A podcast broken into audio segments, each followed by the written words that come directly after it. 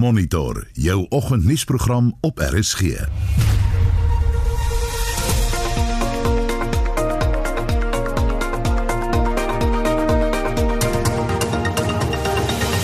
En volgens se program Alta vra die Hooggeregshof om die omstrede aardtoewetgewing ongrondwetlik te verklaar.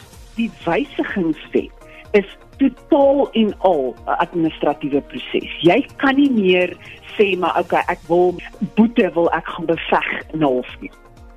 Die Universiteit van Kaapstad het 'n Koi en San sentrum geopen. Dit gaan oor hoe ons dan weer terug kan bring daardie argiewe wat verlore geraak het in die tale en in die rituele. Meer as 2 miljoen werksgeleenthede het in die tweede kwartaal van die jaar verlore gegaan en na 7 vanoggend ontleed ons die eerste TV-debat tussen Donald Trump en Joe Biden. A lot of people died and a lot more are going to die unless he gets a lot smarter, a lot quicker. So- Mr. President? Did you use the word smart? Uh, so you said you went to Delaware State, but you forgot the name of your college. You didn't go to Delaware State. You graduated either the lowest or almost the lowest in your class. Don't ever use the word smart with me. Goeiemôre, ek is Anita Visser. Baie welkom by Monitor.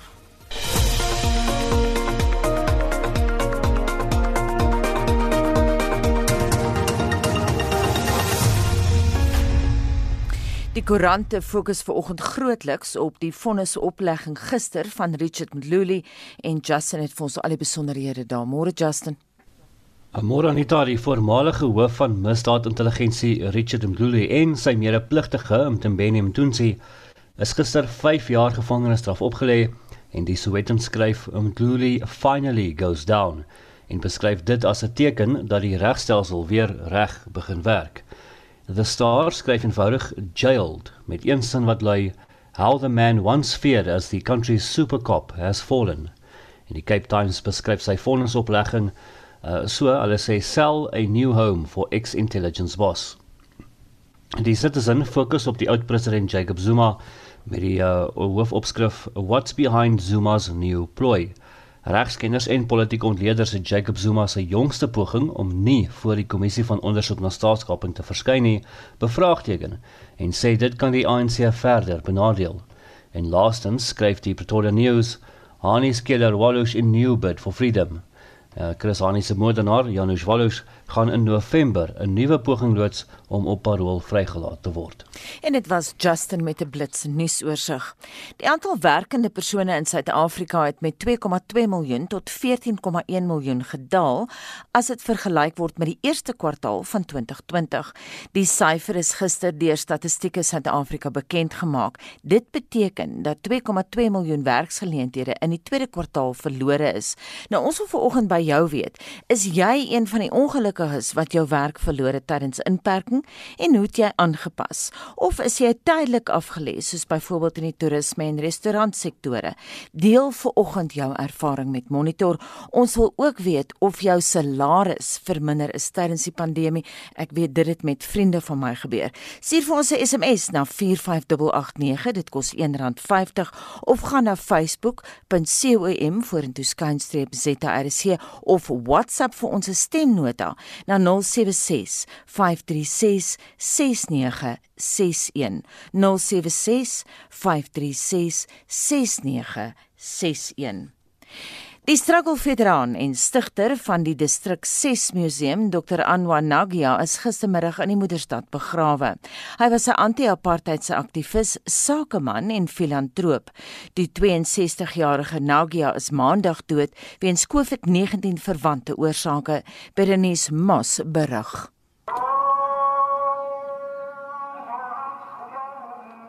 Dr Anwar Nagia is geloof vir sy lojaliteit en die humanitêre werk wat hy in gebiede soos distrik 6 gedoen het. Nagia was die voorsitter van die distrik 6 begunstigde en herontwikkelingstrust.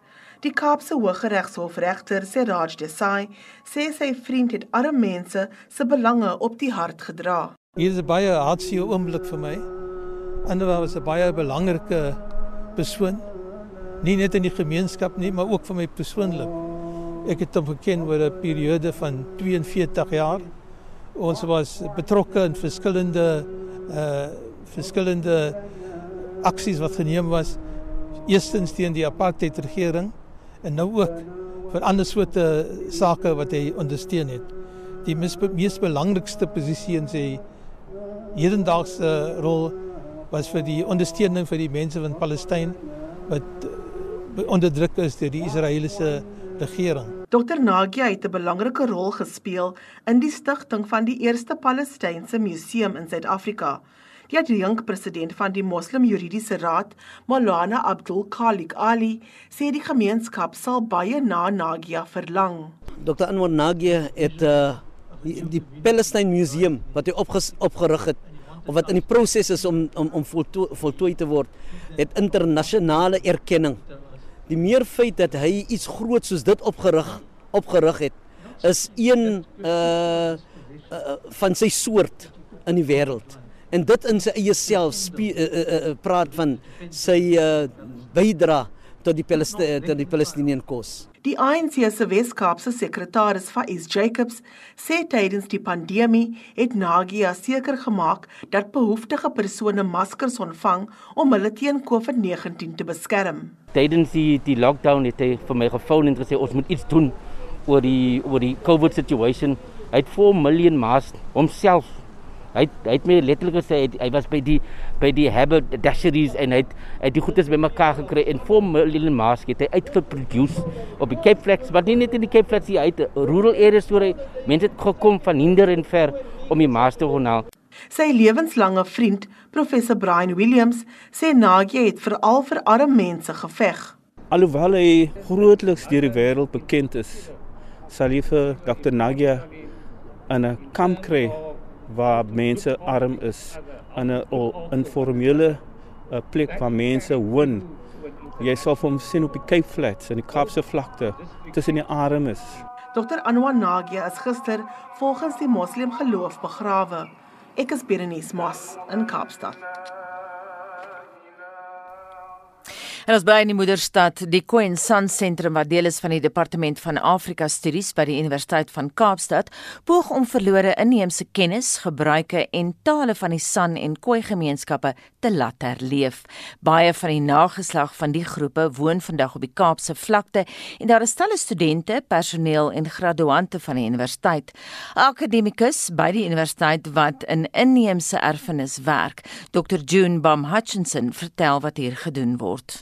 Dit is 'n uh, opvoedkundige en navorsing publieke program.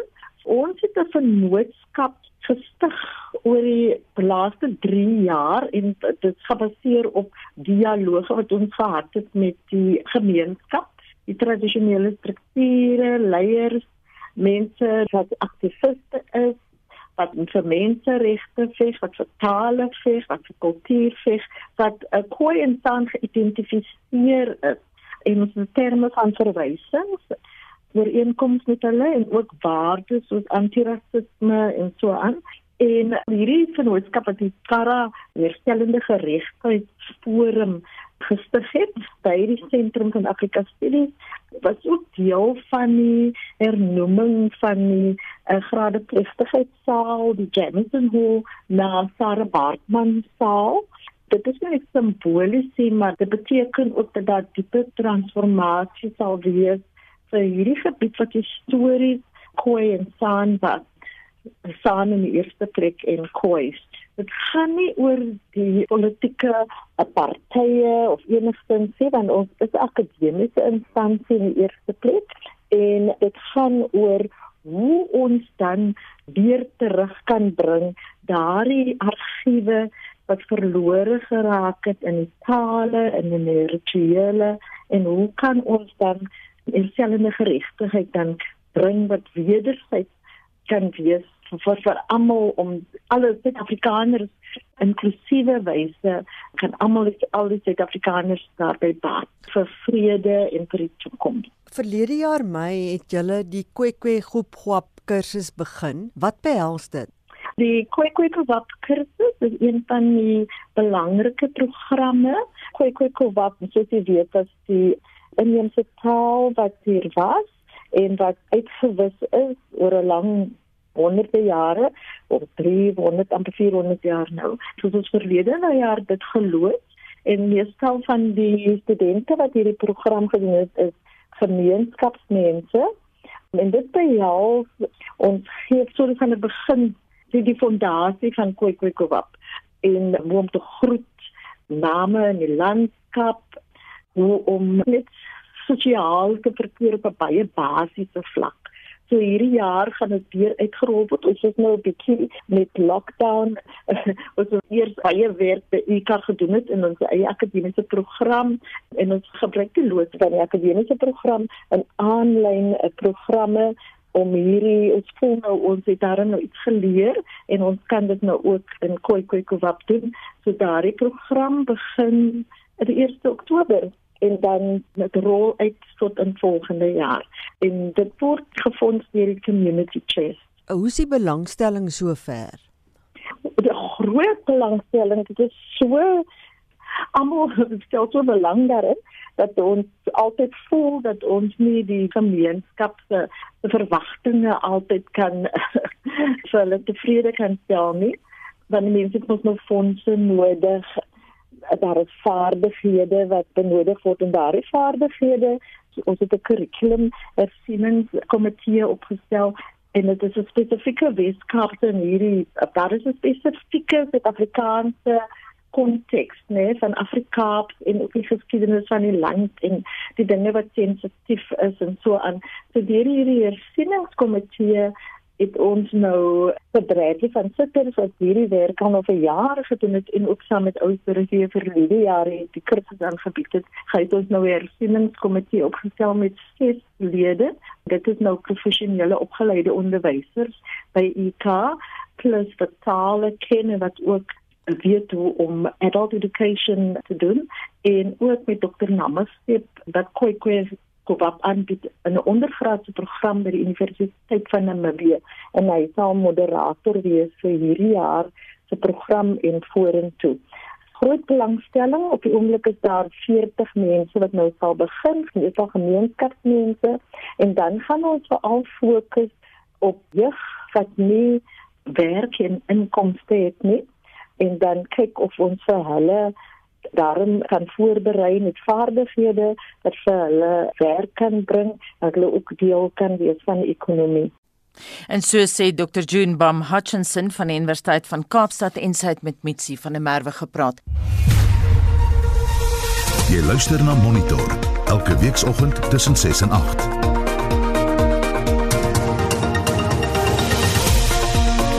Die hoofnuus gebeure die DA in die parlement sê hy gaan geskrewe vrae indien om meer uit te vind oor die moontlike misdaadrekords van drie polisiebeamptes wat betrek word by die moord op Nathaniel Julies. Die anti-apartheidse aktivis en stigter van die distrik 6 museum, Dr. Anwar Nagia, word ter ruste gelê. Die Palestine Museum wat hy opgerig het of wat in die proses is om voltooi te word, het internasionale erkenning Die meer feit dat hy iets groot soos dit opgerig het, is een van sy soort in die wêreld. Die Suid-Afrikaanse weerdiens het 'n waarskuwing uitgereik vir moontlike hewige donderstorms in Gauteng, Limpopo en Mpumalanga vandag. En die politieke party Action SA gaan appeleer teen die besluit van die verkiesingskommissie om nie die party te registreer nie. Bly by ons. Ons wil by luisteraars weet, is jy een van die ongelukkiges wat dalk jou werk verloor het tydens die inperking en hoe het jy aangepas? Of was jy tydelik afgelê soos in die toerisme en restaurantsektore? Deel uh, gerus jou ervaring en ons wil ook weet of jou salaris verminder is tydens die uh, tydens die pandemie en hoe pas jy aan? Nou Mervin Count skryf op Facebook: "My vrou van uh, 57 het 40 jaar ondervinding Die werkgewers maak soos hulle wil en gebruik COVID as verskoning om personeel se werksure en salarisse daarvolgens te betaal. Maar drie nie werkende direkteure trek vet salarisse vry. Onbillike arbeidspraktyk en ters UIF is 'n groot boggerop vir die mense, skryf Mervin op Facebook fonds. Nou ook so skryf Faitjie Verset, daar is nou 1 miljoen mense dood uit 8 miljard, maar die finansiële uitroei van honderde duisende mense word nie getel nie. My hart breek vir jong mense, daar is eenvoudig net nie werk nie. Helene Albel skryf op ons SMS-lyn: Ek werk by OR Tambo Lughawe vir 'n grondhanteringsmaatskappy. is van 1 Julie van jaar tydelik afgelê en kry nie salaris tot op hede nie en ek is ook nog nie terug by die werk nie. En Martin Hansen skryf: "My storie lê veel dieper as van ander mense se omstandighede. Ek moes my werk November verlede jaar bedank en omdat min mense my verstaan, was daar 'n wrywing oor hoekom ek moes bedank. En hierdie jaar toe breek my pa se heup. Ek is by hom en net toe ek weer wil aansoek doen vir werk, toe gebeur COVID wat genoodsaak het dat my pa vir ons moet sorg met sy pensioen. Maar juis het sake so gebeur omdat ek die uitverkorene is in my pa se familie, die een wat nie in die familie inpas nie, oor ek 'n roeping as liedjie-skrywer het. En ook het ek besef COVID gebeur om my nederig te hou. Ek weet van mense wat uiters verwaand is en as ek gewerk het tydens hard lockdown en nog 'n inkomste gehad het, sou ek die ramp as vanselfsprekend gevat het. En so skryf Martin Hansen op Facebook vir ons en jy kan saamgesels oor ons SMS vraag. Jammer vir daai uh, foutjie daar. Ja, dit was Justin, jy kan jou terugvoer stuur aan hom oor hoe jy voel nadat jy jou werk verloor het indien dit wel gebeur het. Dis 6:37 en ons gaan maak 'n draai by sportveld met Shaun Jooste. Ons begin met rugby nuus. Die Suid-Afrikaanse rugby het gister aangekondig dat die raad gestem het om die Bulls, Lions, Sharks en Stormers deel van 'n uitgebreide Pro 16 reeks vanaf die 2021-22 seisoen te maak. Die Cheetahs verloor dus hulle Pro 14 status. Saro het ook die datums, afskoptye en stadions vir die plaaslike Super Rugby Unlock toernooi bekend gemaak. Die Sharks en Lions skop sake op Vrydag 9 Oktober om 7:00 die aand in Durban af met die Cheetahs vir die Pumas en die Bulls vir die Griquas die volgende dag verwelkom. Die toernooi eindig op 20 en 21 November en die Karibeker reeks begin direk daarna. Tennis Die Suid-Afrikaners Lloyd Harris en Kevin Anderson het na die tweede ronde van die Franse Ope deurgedrink na gemaklike oorwinnings in gister se eerste ronde. Harris het 6-4, 6-4 en 7-6 teen die Aussie Alexei Poprin en Anderson 6-2, 6-3 en 6-4 teen Laszlo Djere van Servië geseëvier. Harris se volgende teenstander is die 70de gekeerde Italianer Matteo Berrettini en Anderson die 22ste gekeerde Dusan Lajovic ook van Servië. Suid-Afrika se Ryan Klassen en sy spanmat Oliver Mirag van Oostenryk is gister in die eerste ronde van die dubbelspel in 3 stelle deur die plaaslike Anton Gong en Benjamin Bonzi uitgeskakel. Cricket. Die Sunrisers Hyderabad het die Delhi Capitals in gister se IPL reeks met 15 lopies uitoorlê. Die Protea naadbouler Kagiso Rabada het twee paltjies vir 21 lopies vir die Capitals laat kantel en ook 15 lopies met die kolf bygedra. Die Rajasthan Royals en Kolkata Knight Riders pak mekaar vanmiddag 4uur in Dubai. In vroue cricket sê Australië en Nieu-Seeland mekaar in die derde en laaste wedstryd van hulle T20 reeks die stryd aan en Engeland en die Windies pak mekaar vanaand in die vyfde en laaste wedstryd van hulle T20 reeks. Sokker. Tottenham Hotspur het Chelsea gisteraand in die vierde ronde van die Liga beker in Engeland met 5-4 na uitskiedule geklop. Vanaand half 7 kom Newport teen Newcastle United en 8uur Burnley teen Manchester City te staan. Brighton en Hove Albion draf ook teen Manchester United en Everton teen West Ham United op die veld uit. Dit is kwart voor 9. Die tellings in die Spaanse La Liga was Getafe 3, Real Betis 0 en Real Sociedad 0, Valencia 1. En vanaand in die Italiaanse Serie A met Lazio kwart voor 9 teen Atalanta kragte.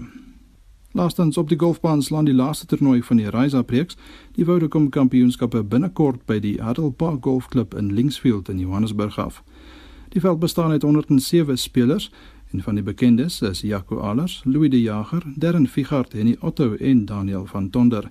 Prysgeld is weer 600 000 rand. Shaun Schuster, SAK Sport. Die organisasie teen belastingmisbruik Alta het 'n aansoek by die Hooggeregshof in Pretoria ingedien om die administratiewe beregtiging van die padverkeersoortredingswet aardtoe as ongrondwetlik te verklaar. Geen datum is nog vir die verhoor bevestig nie. Die saak word teen die ministers van vervoer vir Kilimbalula, samewerkende regering, Dr Nkosazana Dlamini Zuma, die padverkeersoortredingsowerheid en sy appeltribunale gebring. Die direkteur van verantwoordbaarheid by Alta, Stefanie Fik, sê die wet is aanvanklik in 1998 in Gauteng aanvaar. Dit het nou gewerk aan 'n wysigingswet wat verlede jaar onderteken is deur die president.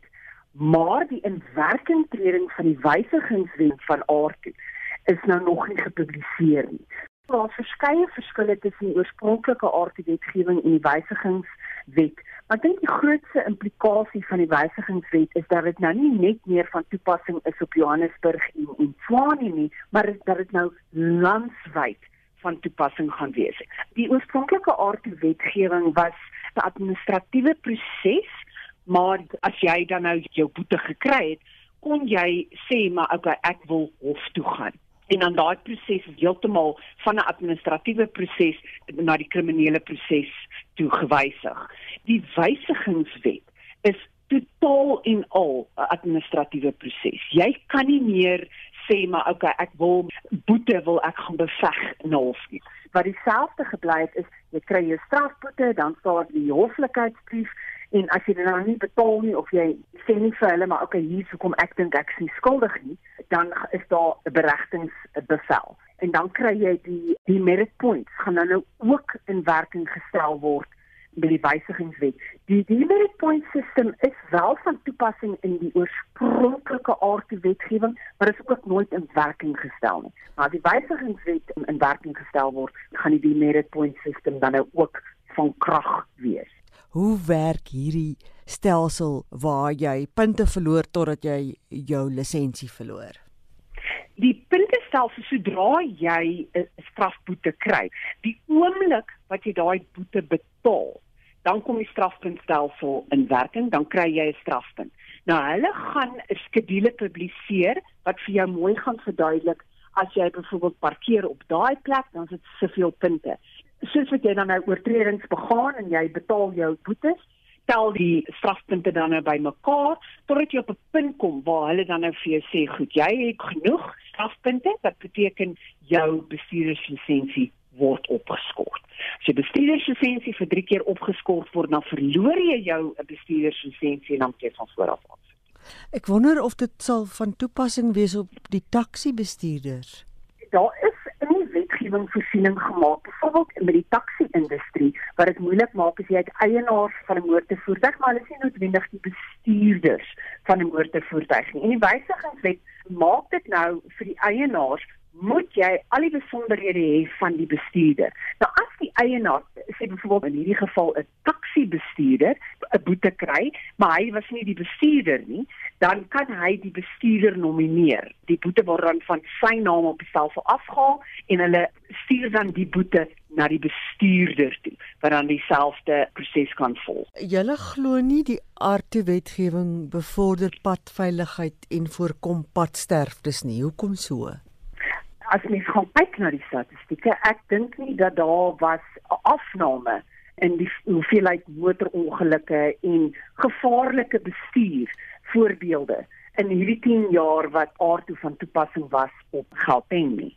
Alhoewel daar elke jaar kom daar meer voertuie by, die statistieke wys net nie dat daar minder sterktes op die pad is nie. En dan punt nommer 2, aardtoe beregtings van hierdie klas van oortredings is nog steeds nie van toepassing op jou meer ernstige misdrywe. As jy gevang word vir dronkbestuur, gaan jy nog steeds hof toe.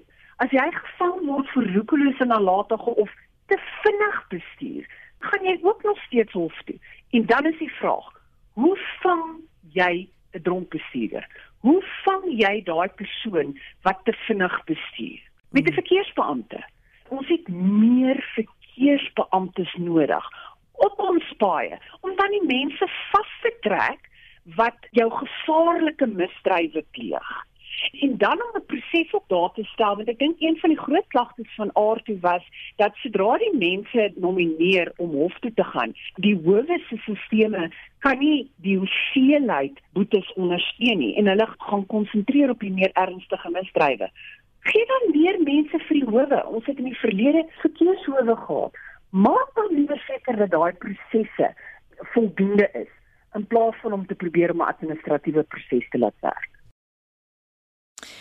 Dit dan Stephanie Fik, direkteur van verantwoordbaarheid by Alta en sy het met Mitsi van der Merwe gepraat. Dis nou kwart voor 7. Die aantal werkende mense in Suid-Afrika het met 2,2 miljoen tot 14,1 miljoen gedaal as dit vergelyk word met die eerste kwartaal van 2020. Die syfer is gister deur Statistieke SA bekend gemaak. Dit beteken dat 2,2 miljoen werksgeleenthede in die tweede kwartaal verlore is. Maar daar is 'n betekenisvolle vermindering van 6,8 persentasiepunte in die amptelike werkloosheidskoers van 30,1% in die eerste kwartaal tot 23,3% in die tweede kwartaal. En ons praat nou hieroor met die hoofekonoom by PwC Lulu Kregel. Goeiemôre Lulu. Goeiemôre Anita. Wat is die redes hiervoor? Anita, die groot getal werkloos ag werksgeleenthede wat ons verloor het, was maar as gevolg van uh die inperkingsmaatreëls wat ons gesien het um, in die ekonomie. Uh dit is maar mense wat uh wat deur dit is die kwartaal wat ons die ergste inperkingsmaatreëls gehad het. Ek meen as ons kyk na na vir al April en Mei maand en dan 'n gedeelte van Maart wat die grootste gedeelte uh van daardie kwartaal uh uh beskryf, is dit uh toe toe baie mense glad nie kon werk toe gaan nie. Uh beide in die formele en die informele sektor. Maar die interessante ding wat jy nou noem rondom die afname in die werkloosheidskoers is die manier waarop hierdie opname gedoen word. As jy nie ehm um, aktief vir werk soek nie. Met ander woorde, as jy uitgaan en gaan soek vir 'n werksgeleentheid, dan uh, dan word jy nie gesien as werkloos nie. Uh dan word jy gesien as as deel van die uitgebreide werkloosheids uh groep uh of, die of die kom ons sê die die informele manier waarop ons werkloosheidsberekening ons gaan bietjie later meer daaroor gesels. En almal wat wat in die tweede kwartaal met ander woorde nie kon werk soek nie as gevolg van die inperkingsmaatreëls word nou nie meer gesien as deel van die formele werkloosheid nie en hulle skryf nou in daai groep in. Dit kom daardie syfer afgeneem het. So in werklikheid ehm um, wil ek nie eers werklik kyk na daardie dramatiese afname van 30% na 23 nie. Maar die belangrike is wat jy heel eers gesê het is dat ons 2.2 miljoen werksgeleenthede verloor het. Mm -hmm. En dit is eintlik die syfer waarop ons moet konsentreer. Ons is nie die enigste land wat sulke vreemde statistieke gesien het nie. Dis maar die manier waarop die ehm um, die internasionale arbeidsorganisasie hierdie syfers bereken en dis nou maar weer een van daai vreemde goed wat nou gebeur het met die statistiek. Lulu, kan jy dit vir ons binne die konteks van COVID-19 plaas? Ehm um, so soos ek soos ek gesê het die ehm um, die 2.2 miljoen minder werksgeleenthede was maar hoofsaaklik as gevolg as gevolg van COVID-19 en die en die impak daarvan. Ek meen as jy mens gaan kyk, ehm um, enige iemand wat miskien met en en dit het ons vir al sien deurkom is dat enige iemand wat 'n tydelike werksgeleentheid gehad het of 'n kontrak gehad het of so iets, het ehm um, kon nie gaan werk in die tweede kwartaal nie. En uh hulle as ons gaan kyk na die totale hoeveelheid mense wat in diens was, is dit 2.2 miljoen minder as wat dit in die eerste kwartaal was. So die die werkloosheidsyfer is is een van die goed wat of die persentasie is een van die goed wat wat ehm um, wat nou weer deur die manier waarop dit bereken word uh beïnvloed word. So vir my is die belangrike ding die feit dat daar 2.2 miljoen minder werksgeleenthede was um, in die in die eerste kwartaal, ag in die tweede kwartaal. Lulu, is jy dit eens met die manier waarop dit bereken word?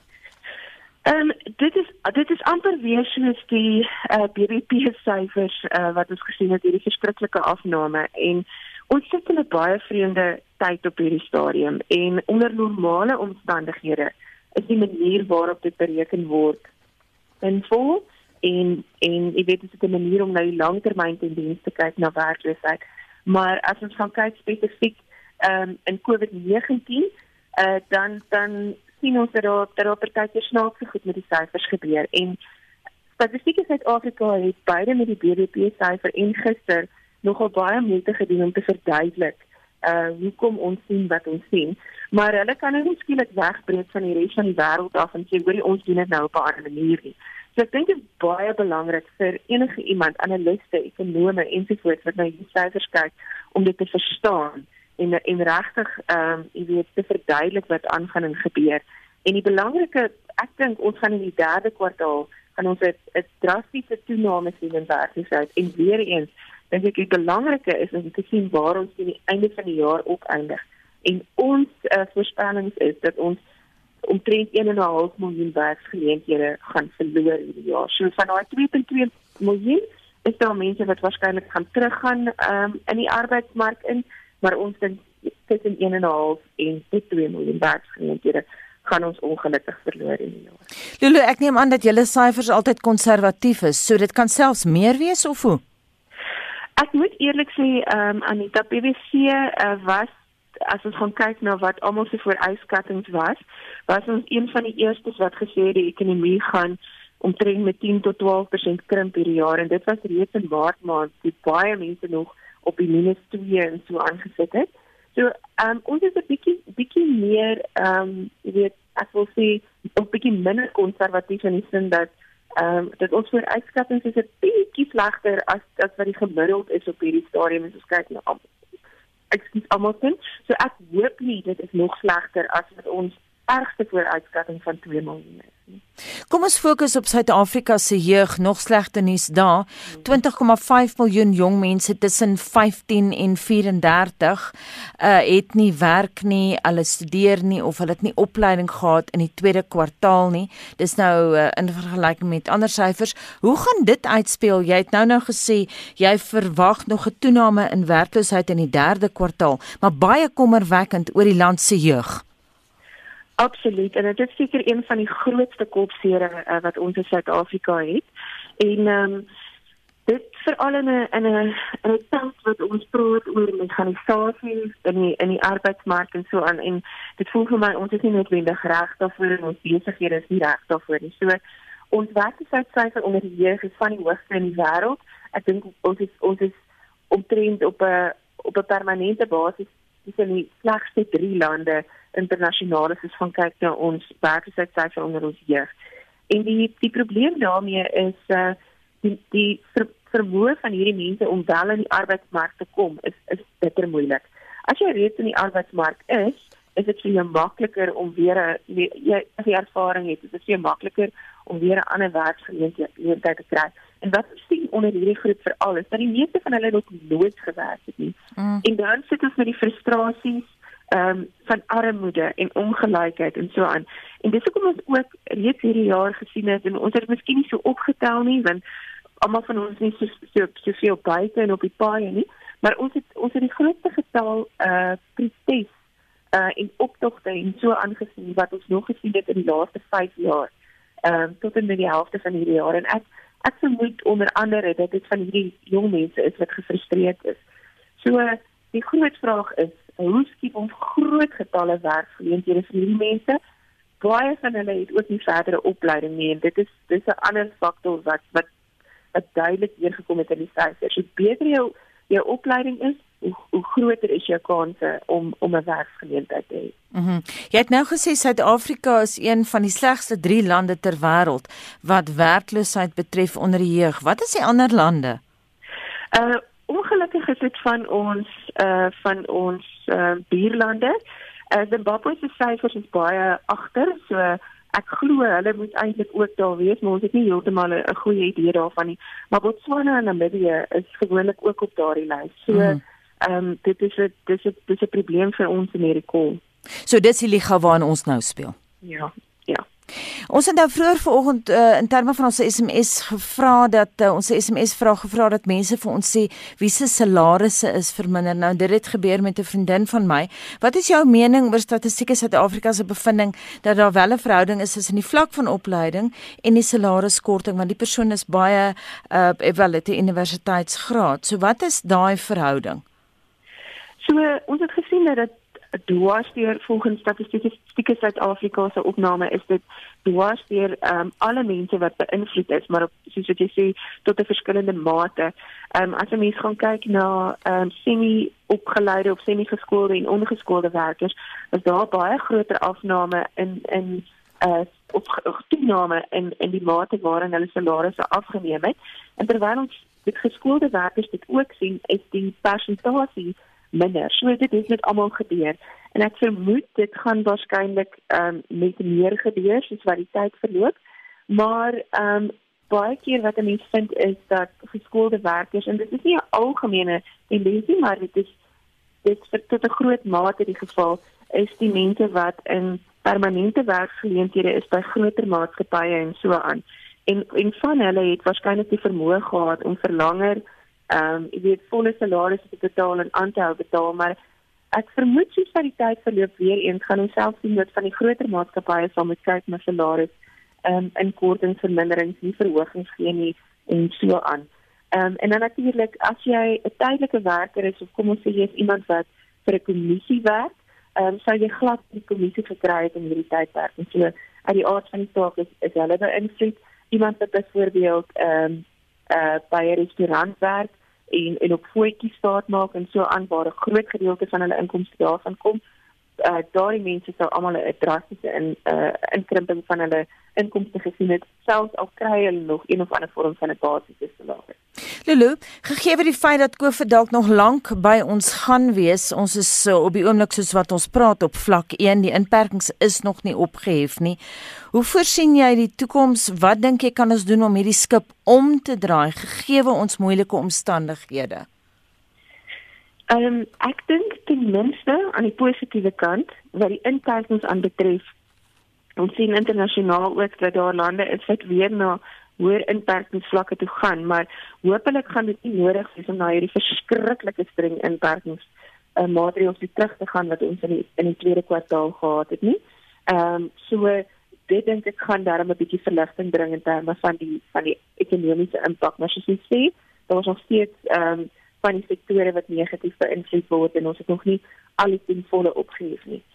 Ehm um, ek dink dis dis nie 'n maklike antwoord nie, maar ek dink ons moet konsentreer op ehm um, dit wat ons in die om op in die onmiddellike omstandighede kan doen, wat ons nou kan doen om werk te skep, ehm um, besighede te help en so aan. En dan baie belangrik, ons moet ook nie uit die oog verloor dat ons oor die medium termyn en langtermyn kan doen om die ekonomie aan die groei te kry nie. En om eerlik te wees, dit het nie verander uh na of ek nou as gevolg van Covid nie. Dit is nog steeds um, om om ons elektrisiteitsvoorsiening uit te sorteer. Dit is mm. nog steeds om te kyk na na uh vaardighede en is nog steeds om te kyk hoe kry ons privaat beleg of beleggers weer in besighede weer om te belê in die ekonomie. Baie dankie en daai raad kom van Lulu Krugel, sy is hoofekonoom by PwC. Daar is geen verkeer. Ons begin in Gauteng in Bedford View met 'n vragmotor sy vrag verloor op die N3 Noord voor die Gelulies wisselaar. Vier bane is gesluit en dit veroorsaak verkeersvertragings van 'n sementfabriek. Dan in die Vrystaat was daar botsing op die N3 voor Harry Smit uit die rigting van Montrose in KwaZulu-Natal en dan in KwaZulu-Natal staan daar 'n voertuig na die Ashburton wisselaar. Dis in die linkerbaan op die N3 Wes. Jy kan verkeersnuus stuur na 45889. Dit gaan jou R1.50 kos en jou eerste woord is verkeer. Justin. 'n Luisteraar uh, op ons SMS-lyn laat weet my seun het sedert 10 COVID elke maand 1 week se salaris per maand moes inboet. Hy het weer begin werk en toe trek hulle R2000 per maand vir 3 maande af. Waar is hulle UIF vra sy my ander seun werk halfdag maar basse gaan jag. Hoe werk dit vra die luisteraar? In uh, in Engel uh, uh, Engels luisteraar sê hi I was placed on furlough on 11 May on 21 August my wife Kathleen of 40 years passed away and I was retrenched on 31 August 2020 is not my year en so sê Nul van Johannesburg vir ons. Hmm. Patrys skryf my dogter en haar seun het hulle werk verloor en my kleindogter se salaris is verminder. En Magda sê as staatsamptenaar het ek my salaris gekry sonder die verhoging, maar dis reg. My seun se maatskappy het weer in Mei en Junie slegs 50% salaris ontvang, Julie 75%, Augustus 80% en van September 100% van hulle salaris danksy goeie verkoping van hul produkte aanlyn, maar my vriendin moes haar restaurant sluit gesels saam op ons SMS lyn by 45889 onthou dit kos R1.50 Vertel ons is uh jy een van die ongelukkiges wat dalk jou werk verloor het tydens die inperking. En dit bring ons by 7 uur. Esai Kahnis, onafhanklik, onpartydig.